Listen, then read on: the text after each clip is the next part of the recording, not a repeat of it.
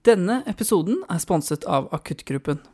Akuttmedisinske kurs for helsepersonell og førstehjelpskurs for barnehager, virksomheter og privatpersoner. Les mer på akuttgruppen.no. Hei og velkommen til del to av podkasten med Erik Vestnes om inhalasjonsskader. I dagens episode skal vi snakke om behandlingen, cyanidforgiftning og hyperbarbehandling, og hva som er viktig å tenke på for oss som jobber ute prehospitalt. Besøk Instagram-sidene til uh, Du pusser for fort, Facebook, og om du ønsker å gi din støtte, skal du gjøre det på patron.com. Link det finner du inn på Facebook-siden til Du puster for fort.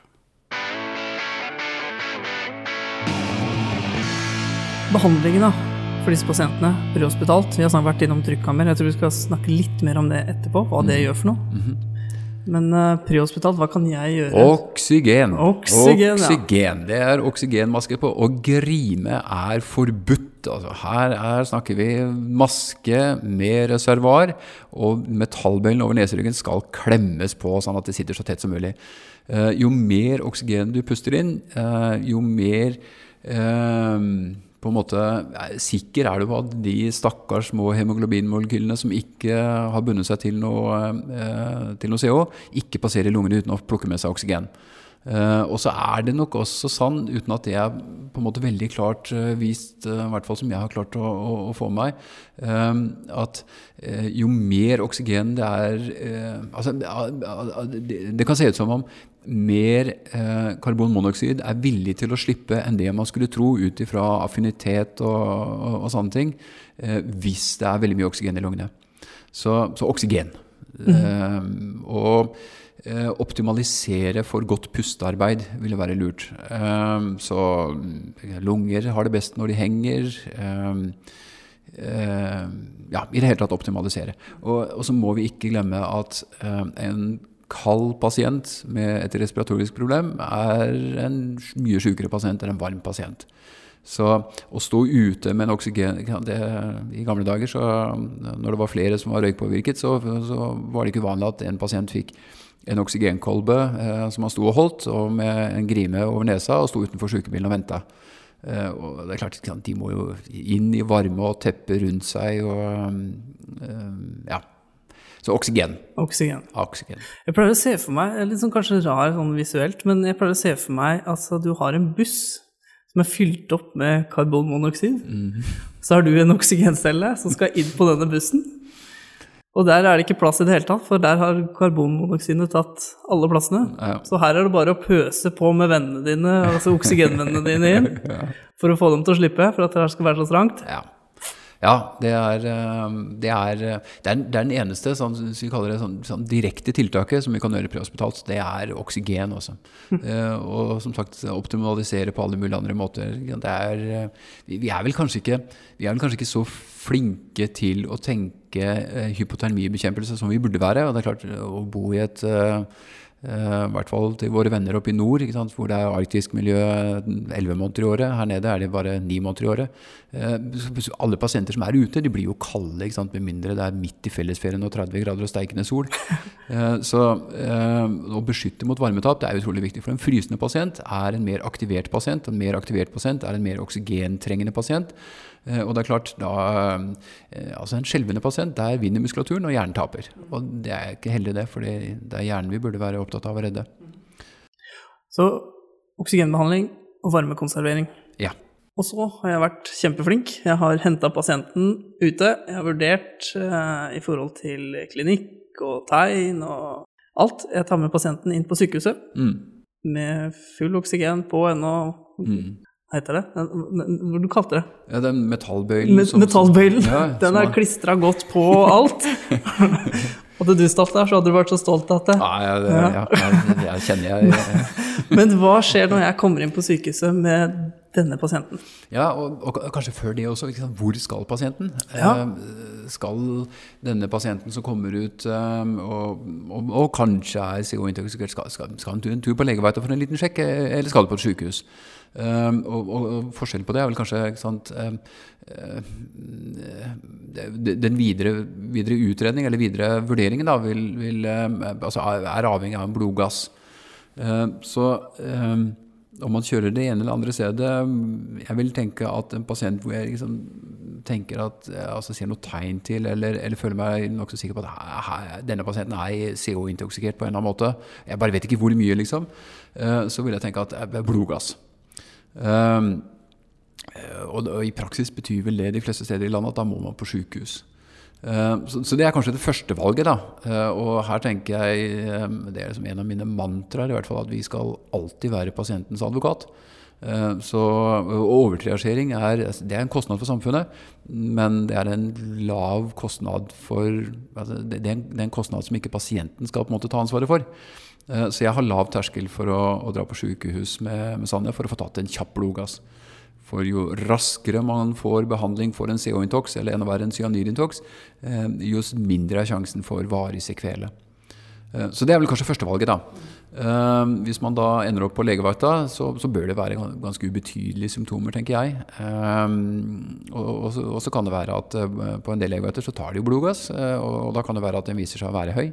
Men veldig ofte så, så gjør den jo ikke nødvendigvis det, og da er det kanskje tilstrekkelig med legevakt. Men men eh, skulle det vise seg at eh, COH-en er høy, eh, så er det jo om å gjøre å håpe da, at, at, de legene som tar imot på sykehuset, er på en måte innforstått med og, og, og aksepterer at hyperbarbehandling er gullstandarden i Norge for behandling av alvorlige CO-intokser. og hyperbarbehandling betyr trykkammer. Mm. Og det, de er det, det er noe helsevesenet har satset tungt på. Ironi varsel. Eh, så det er, tre, det er tre trykkamre som er bemannet i, i Norge, i, som helsevesenet har kontroll på. Og så er det vel 12-15 eh, som, eh, som, er på en måte privatdrevne i forbindelse med uh, dykkevirksomheten på, på sokkelen og, og innaskjærs dykkevirksomhet. Men, men, det er tre sykehus som har trykkammer i drift i Norge. Hvor er de igjen, da? Uh, det er på Ullevål, og så er det Haukeland, og så er det Tromsø. Um, så altså, Våre venner i Trøndelag de bør helst uh, fyre med elektrisitet. For de bor litt langt unna. Eller ikke dykke. ja, ja, ja, helst ikke dykke. Nei, helst ikke dykke. Ja. ja men uh, da nå vi det, gjør vi det enkelt, og så sier vi at vi er i Oslo. Ja. Uh, leverer på Ullevål sykehus. Ja. Her har du trykkammer. Ja. Det er høy uh, COHB mm -hmm. på blodgassen som du finner. Ja. Da blir det trykkammer. Over 20, var det du sa? Ja, og, og, altså, ja, og igjen så er det ikke sant det, det er, En ting er eh, COH-en, men, men det, må noe, det må være noe klinisk som på en måte Det må være kliniske tegn da, i tillegg til høy COH. For som sagt, eh, en røyk så kan du få opptil 15 i COH. Ja. Nei, unnskyld, i, eh, i SPCO. Og antagelig så får du omtrent det samme i COH også, da. Uh, så, uh, men, men, har du i tillegg også da noe, sant, noe som tyder på cerebral påvirkning, da, så, så vil nok uh, dykkerlegen putte dem i kammeret fort som rakkeren. Mm. Og, og, og, der er time of the essence. da. og derfor så er jeg litt talsperson for at hvis man står altså, prehospitalt, også før du måtte ha begynt å kjøre, da, hvis du liksom tenker at her, her, bør jeg mistenke at det er en alvorlig CO-intox, så kanskje ringe dykkerlege allerede der. For eh, eh, trykkammeret her på Ullevål sykehus er ikke bemannet 24-7. Det, det, står ikke personale på trykkammeret hele tiden. Um, så en del av personalet må, må innkalles. altså De har hjemmevakt, de er, ikke, de er, ikke, på jobb på sykehuset, så de må innkalles. Og det kan ta litt tid. Så, og, det fine med det er at uh, da får man jo konferere med en, uh, en trykkammerlege, en trykktanklege eller en hyperbarlege. Det er også en anestesilege. Og, så, så, der er det på en måte mye hjelp å få. da. Og hvis den mener at ja, kanskje ta en blodgass først, for dette høres litt diffust ut, ja, så da er det greit. Da er det gitt. Da, da, da skal vi på sykehuset, ikke på legevakt. Og hvis den legen ut fra hva du forteller sier at ja, vi gjør klar trykkammeret, så er på en måte det underveis allerede. Og, men så blir man alltid tatt imot da, i mottaket på Ullevål. og så er det om å gjøre å få tatt en blodgass fort som rakkeren. da. Mm. Og hvis trykkammerlegen eh, ikke er på sykehuset eller står midt i en operasjon, eller et eller annet sånt rart, så kan det være litt tid til han kommer. Så, så da vil jeg eh, Jeg vil i hvert fall be mottakspersonalet om, om, å ta en blodgass så fort som mulig. Og på en måte hjelpe de litt, prøve å spille de gode på å få tatt den blodgassen så fort som mulig. For, for den vil være avgjørende i forhold til om, om pasienten eh, er CO-intoksikert, eller om det er en annen grunn til denne cerebrale påvirkningen. Um, trykkhammer, hvorfor skal ha karbonmonoksidforgiftning i trykkammer Ja, når du eh, kan gi oksygen? Ja. eh, det, det som skjer når man putter en, en CO-intox i, eh, i trykkammeret, er at uh, man gjennomfører jo et dykk, da, et, et tørt dykk. Så man øker uh, trykket inne i trykkammeret. Uh, og det som skjer da, er at oksygenet i ganske stor grad blir fritt løst i blodet. Eh, Så da er ikke lenger oksygenet avhengig på samme måte eh, som måte i, i romluft da, eh, av hemoglobin for å bli fraktet rundt. Så, så da får du betydelig mye oksygen løst fritt i blodet. og det vil si at da, da kommer oksygen til, til hjernen og hjertet, da, som liksom er de to organene som, som, av, eller som, som tar stor skade av hypoksien. da. Det er det ene mekanismen. Den andre mekanismen er at det, det, man klarer ikke å forklare sånn fysiologisk hvorfor eh, bindingen mellom hemoglobiene og, eh, og, eh, og CO-en eh, brytes eh, så raskt som det faktisk da gjør i trykkammer. Så, så, så de blir fortere kvitt eh, karbonmonoksiden i trykkammer enn det man gjør i romluft. Så halveringstiden er, er fryktelig mye lavere. Halveringstiden hvis man puster romluft eh, for, eh, for eh, hemoglobinbundet eh, karbonmonoksid, er 300 minutter. Eh, altså det fem timer. Det er fryktelig lenge, Ja, er lenge. Å, å, ha, å ha CO i, i blodet. Ha, ha på en måte indre kvelning, da, om du vil. Eh, mens i trykkammer Nei, unnskyld. Hvis man bare gir oksygen på, på reservoarmaske, så reduserer man fra, fra 300 minutter til 90 minutter. Og det er, jo betydelig. ikke sant? Nesegrimmer vil ikke være i nærheten av 90 minutter. Uh, så fy til nesegrimmer nok en gang, da. Uh, og så viser det seg da at i trykkammer på en sånn standard uh, eh, så reduseres den halveringstiden ytterligere helt ned til 20 minutter. Og, og det gjør at Jeg har sett CO-intoxer som er eh, altså nærmest bevisstløse, altså eh, svært urolige og, og får ikke noe liksom, fornuftig kontakt med dem og eh, er på en måte klart cerebralt påvirket.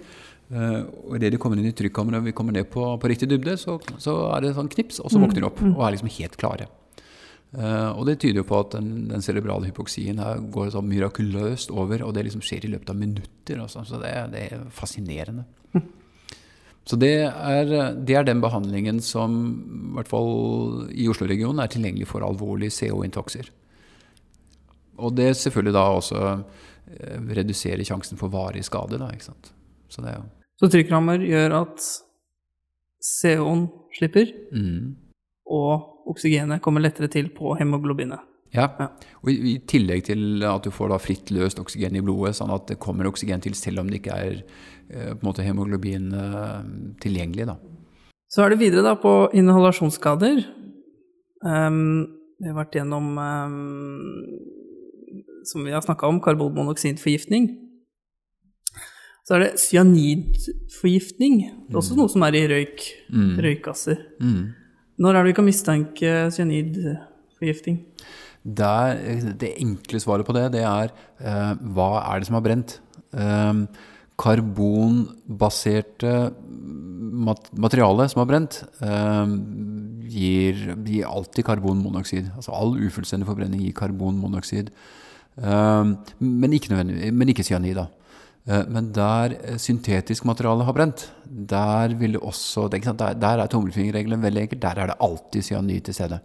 Så om det er sofaen hjemme, altså sofaputene, eller eh, fyllstoffet i sofa, sant? det er eh, som regel noe syntetisk eh, resirkulert eh, plast og, petroleumsbaserte greier.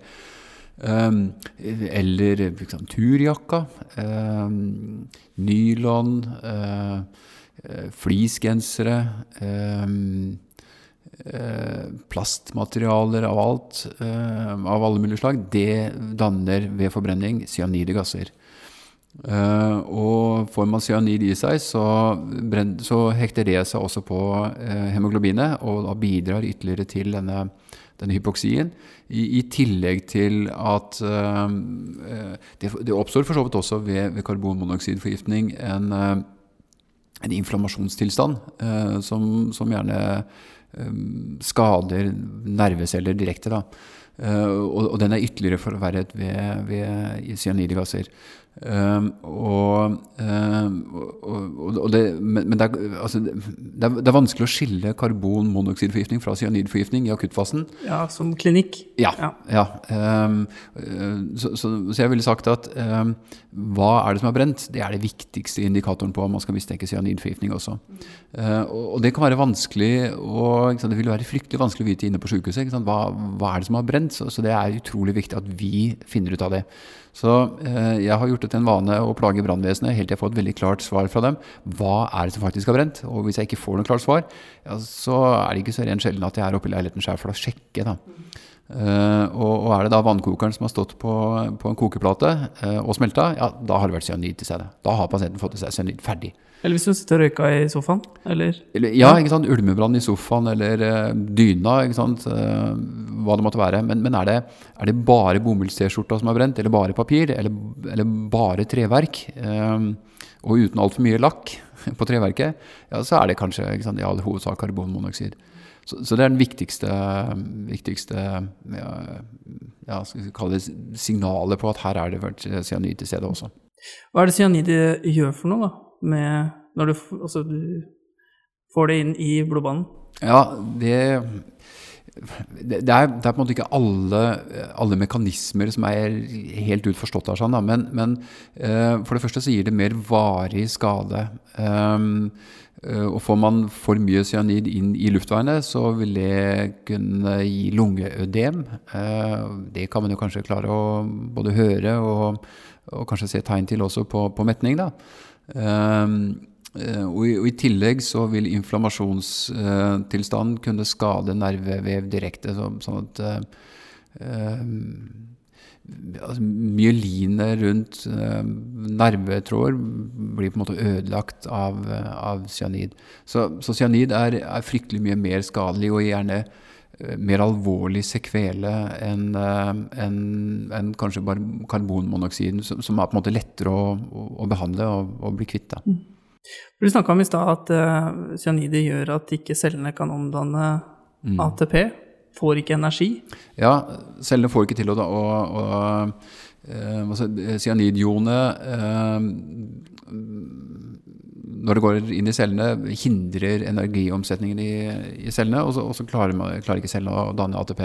Og, og da begynner cellene å, å, gjøre det på alternative måter. Da. Uh, så da, da, vil du også kunne få acidose, da, altså pasienten blir sure. Og det, det er jo også fryktelig skadelig. da. Åssen skal jeg klare å skille det vi har snakka om nå, da?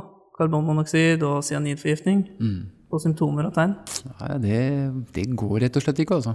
Det, eh, så, så, da er vi liksom tilbake til der i våre venner i, i gule klær, altså. Eh, hva er det som har brent? Og, og ikke gi seg på det før man får et ordentlig svar. Um, og så tenke at uh, alt, uh, alt, alt, som er naturlig, um, være som det er altså, ja, alt som er karbonbalansert, altså, Den Grandiosa som er kølsort, den danner ikke noe cyanide gasser ved selv en svært ufullstendig forbrenning. så, men, men, det er klart, hvis kjelen som kommer ut også, teflonpanna eller eller, eller steikebrett, eller hvis det er av syntetisk materiale, ja, så har det vært, eh, har det vært eh, cyanid, ga, altså cyanid, i, i branngassene. Da. Um, og, og liksom, klar, egentlig så er det sånn at um, sånn enkelt kan man si at liksom, på kjøkkenet, så når det er mat som er brent ja, Hvis det er bare mat, ja, så er det, så er det på en måte greit. Da men, men, har det brent noe annet også, så er det liksom, i, i, alle hus så er det, det er fryktelig mye syntetisk materiale. Uh, så, så, møbler og sant, sofaputer, klær uh, Med mindre som sagt, er, du er helt sikker på at det er bare bomulls-T-skjorta, uh, så, så, er det veldig nærliggende å, tenke at her er det også cyanid. Og ikke bare Kanskje i husstanden, men også ute? Bilbranner? Ja, for, ja, ikke sant. Sånn. Bil er jo, eh, det er jo stappfull av syntetisk eh, Det er jo, det er jo ikke nesten naturlig en bil lenger. Det er jo, det er jo bare plast og Iallfall hvis du kjører elbil. uff, uff. Ja, nei, ikke sant? Det, det er fryktelig mye plast i, i biler. Um, så en bilbrann, der er, der er branngassene fryktelig farlige, altså. Så bilbranner, det Når det ryker av Du ser aldri en brannmann begynne å slukke en, en bilbrann uten å ha på seg agamasken og, og, puste ren luft som han har hengende i to flasker på ryggen. Det er det en grunn til. altså Den er fryktelig farlig, brannrøyken fra bilbranner. Så der er det cyanid, uten tvil. Det er ikke noe som er naturlig i en bil. Eh, behandlingen da, for disse pasientene, hva kan jeg tilby når jeg er på bil? Akkurat det samme som ved mistanke om karbonmonoksidforgiftning. Det er masse oksygen, optimalisere pasienten, sørge for ro og varme osv. Uh, og, og det er klart, uh, Hvis du er sikker på at her har pasienten fått i seg mye brannrøyk, og det er cyanid til stede, da vil jeg tenke at da skal i hvert fall ikke pasienten på, på, på legevakt. Da vil vi ha blodgass. fordi man kan oppdage cyanid på blodgass, og det har du virkelig lyst til. Uh, ikke minst fordi uh, den pasienten uh, bør altså, hvis, det er grunn til å tro at pasienten er cyanidforgiftet, så finnes det, det finnes en motgift, det finnes en antilot, og, det har vist at den pasienten skal få så fort som mulig. Og Det betyr kanskje også da at, at det, her bør man kanskje da ha lav terskel igjen for å be om hjelp fra, fra, fra luftambulansetjenesten, fordi de har med seg denne motgiften. Um, heter Cyanokit, det produktet som, uh, som, vel er mest vanlig brukt i Norge. i hvert fall. Altså, det finnes et par andre uh, legemidler også som kan brukes, men Cyanokit er vel det som luftambulansetjenesten har lagt seg på. Og Det er et legemiddel som, uh, som litt fort reverserer cyanidbindingen til hemoglobinet, sånn at det kan skilles ut gjennom urinen. Den lager metabolitter som du kan tisse ut etterpå. og Det er kjempebra. Og så får en, pasientene får en fryktelig artig farge i ansiktet. Så er, oh. ja, de, de, de blir liksom blålilla i ansiktet. Type, ja, de blir, de, blir, de blir, ordentlig ja, blålilla. Ja, de endrer farge. Det er fascinerende. Jeg tenkte vi kunne avslutte nå og oppsummere litt. Um, hva slags informasjon bør man oppdrive om du vet pasienter har vært eh, utsatt for røykinhalasjoner. Ja. Da tenker jeg både miljø og pasient. Ja, I, i tillegg til den, eh, den, kliniske undersøkelsen, altså på en måte se på pasienten, se etter tegn til varme, altså termisk skade, um, så, så, er det, det er, det er selvfølgelig alltid lurt å sette på en SPO2-klype, og selvfølgelig enda bedre er en SP, uh, SP O2 SPMet, nei, unnskyld, SPCO, uh, altså en rainbow-sensor, da. Um, for å kunne få noen klare tegn på om pasienten er CO-forgiftet. Um, I tillegg til det um, så er det, jo, det, er jo gunstig å ta en titt inn i munnen uh, for å se om du ser noe tegn til uh, ødemdannelse eller blemmer. og så er jeg veldig glad i å se opp i nesa på folk, fordi ja, er, vi har alle våre greier. Nei, det er fordi um, sot i, i munnhulet er liksom veldig klart tegn på at pasienten har fått i seg ja, Ikke nødvendigvis CO, da, men, men sot, altså partikler. da forbrente uh, partikler i luften. Uh, men, men, veldig ofte så er det sånn at hvis du får noe, noe sot i munnen, så, så øker spyttsekresjonen litt, og så, og så, svelger du det unna, så, og så blir du kvitt det. men jeg titter opp i nesa, fordi er det mye sot i lufta, så, så, vil jo det komme inn i nesa også, og, og der blir det sittende. Så, og jeg har sett flere pasienter som har masse sot i nesa, men, men ikke noe i munnhulen. Så titt i nesa også. og så er Eh, et godt anamneseopptak bra også, fordi hvis da pasienten fra før av er hjertesjuk, hjertesviktpasienter eller, eh, eller rytme, altså pasienter med, med rytmeforstyrrelser, eh, de er jo utsatt for å på en måte få en, en, en kraftigere reaksjon på koronarhypoksi.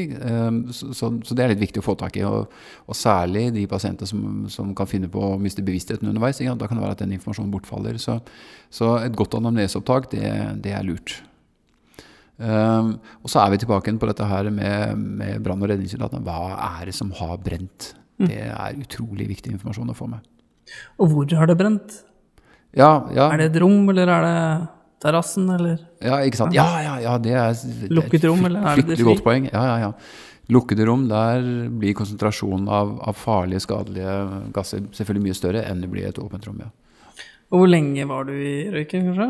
Ja, det er, det er også sånn der, der igjen må man liksom spille litt grann pasientens advokat, da. Eh, Men, men på en måte prøve å være litt nykter, fordi eh, på samme måte som eh, ingen pasienter har drukket eh, fem øl, de har bare drukket én. Eh, eh, og de som har vært i brannrøyk, de har vært der i hvert fall tre-fire minutter. Men med veldig ofte så er det kanskje bare 10-15 sekunder. Um, så, så, um, så hvor lenge de mener de har vært inne i et røykfylt rom, det, um, det må man ta med en, med en stor klype salt. Det som kanskje er, er liksom sånn enda viktigere i forhold til uh, har pasienten blitt utsatt for veldig mye, det er de som mister bevisstheten og blir dratt ut. Hvis brannvesenet kommer slepende ut med en pasient som er bevisstløs, uh, den pasienten har vært lenge ferdig. Men de som har løpt inn i et rom uh, fordi det lukta brann, eller, eller brannalarmen begynte å gikk, uh, og og så har de klart å slukke noe, uh, eller gjort et forsøk, og så kommet seg ut fordi de ikke fikk det til, de har kanskje ikke vært inne i rommet veldig lenge. Og man må nok mm, utsettes for CO i, i, i litt grann tid før det på en måte blir en alvorlig forgiftning. Men igjen, er man usikker, eller viser de cerebral påvirkning, ja, da er de forgiftet. Da, Erik Vestnes, da har du gjort meg litt tryggere på inhalasjonsskader. Du har fortalt litt eh, fysiologien og patofysiologien rundt det. I hvert fall patofysiologien. Hjertelig takk for at du ville komme hit. Jo, tusen takk for at jeg ble invitert. Ja. Og eh, ikke glem at reservoarmaske er bra, og grime er noe ordentlig dritt. Reservoarmaske er bra, og grime er noe ordentlig dritt på disse pasientene. På disse pasientene. På disse pasientene. Ja, ja, Hjertelig takk for nå. Takk skal du ha. Tusen takk.